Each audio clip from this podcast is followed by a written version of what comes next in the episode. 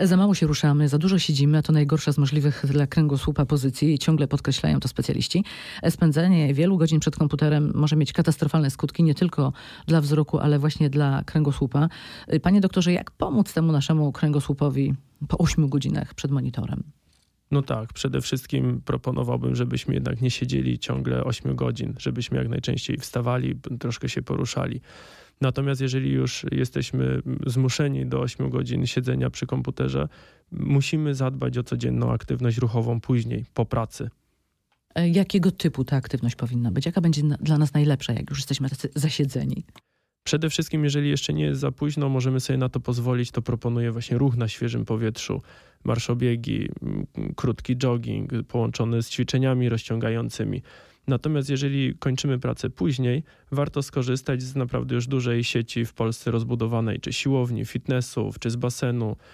Squash może jest bardziej tutaj kontrowersyjny, kontuzjogenny, ale jeżeli jesteśmy w formie, jesteśmy przygotowani, to jak najbardziej. Bardzo popularny stał się również y, trening funkcjonalny. Na czym on polega? To są bardzo ciekawe ćwiczenia, y, generalnie z własnym ciałem, czasami z wykorzystaniem niewielkich ciężarków, taśm, gum. Y, jeżeli trafimy na dobrego trenera funkcjonalnego, on pokaże nam, jak trenować z własnym ciałem w różnych ustawieniach tego ciała, wykonywać pewne złożone ruchy, które wzmocnią nam tułów, wzmocnią mięśnie miednicy przykręgosłupowe. Naprawdę są to przeciekawe ćwiczenia, dające wielką satysfakcję a bardzo pożyteczne, zwłaszcza dla naszego kręgosłupa. Wielu z nas y, biega. Czy każdy może biegać? Generalnie oczywiście, że no nie każdy, ale zdecydowana większość tak.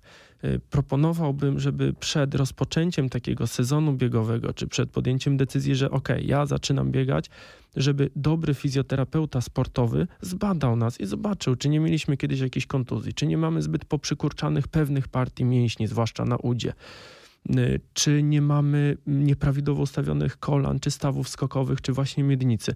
To, są, to jest krótka y, ocena dla dobrego specjalisty, a umożliwi nam naprawdę satysfakcjonujący ruch. Wielu z nas nie skorzysta e, z takich porad, no, na przykład z braku czasu. Jasne.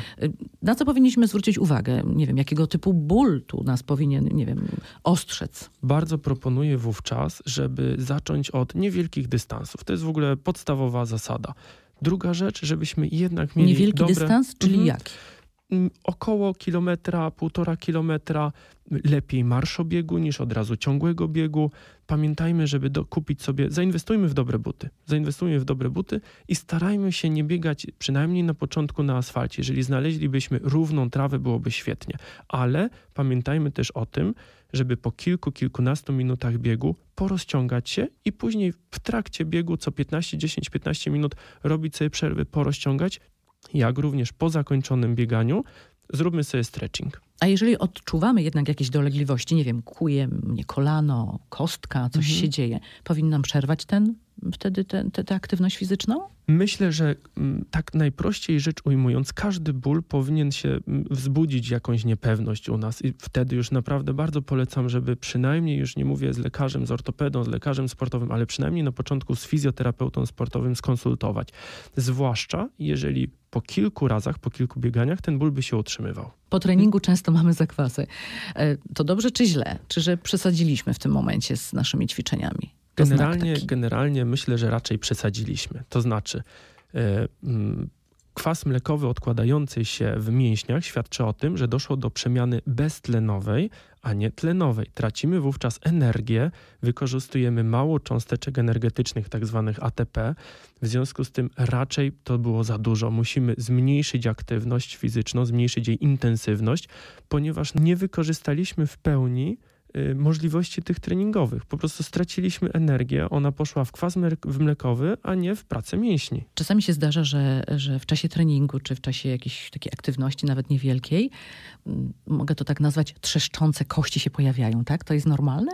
Trzeszczące stawy. Albo no właśnie, mhm. to pewno stawy oczywiście. Jasne. To jest akurat dosyć niepokojące najczęściej świadczy o stanie zapalnym, podrażnieniu błony maziowej i myślę, że to jest taki sygnał, który powinien nas skłonić do konsultacji lekarskiej. Natomiast mm, pewien odsetek, na szczęście niewielki, może świadczyć nawet o uszkodzeniu chrząstki bądź łąkotki w kolanie.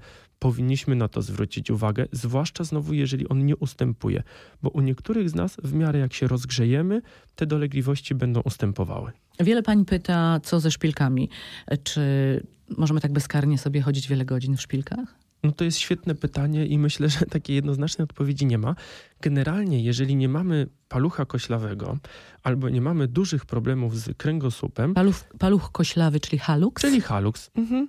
jeżeli nie mamy takich problemów, to raczej chodzenie w szpilkach nie będzie aż tak dramatyczne, zwłaszcza jeżeli zadbamy o nasz kręgosłup i poruszamy się, porozciągamy, bo wzmacniamy mięśnie. Natomiast jeżeli mamy bóle kręgosłupa, bądź jeżeli mamy paluchy koślawe, to oczywiście te dolegliwości mogą się nasilać i wtedy bym uważał.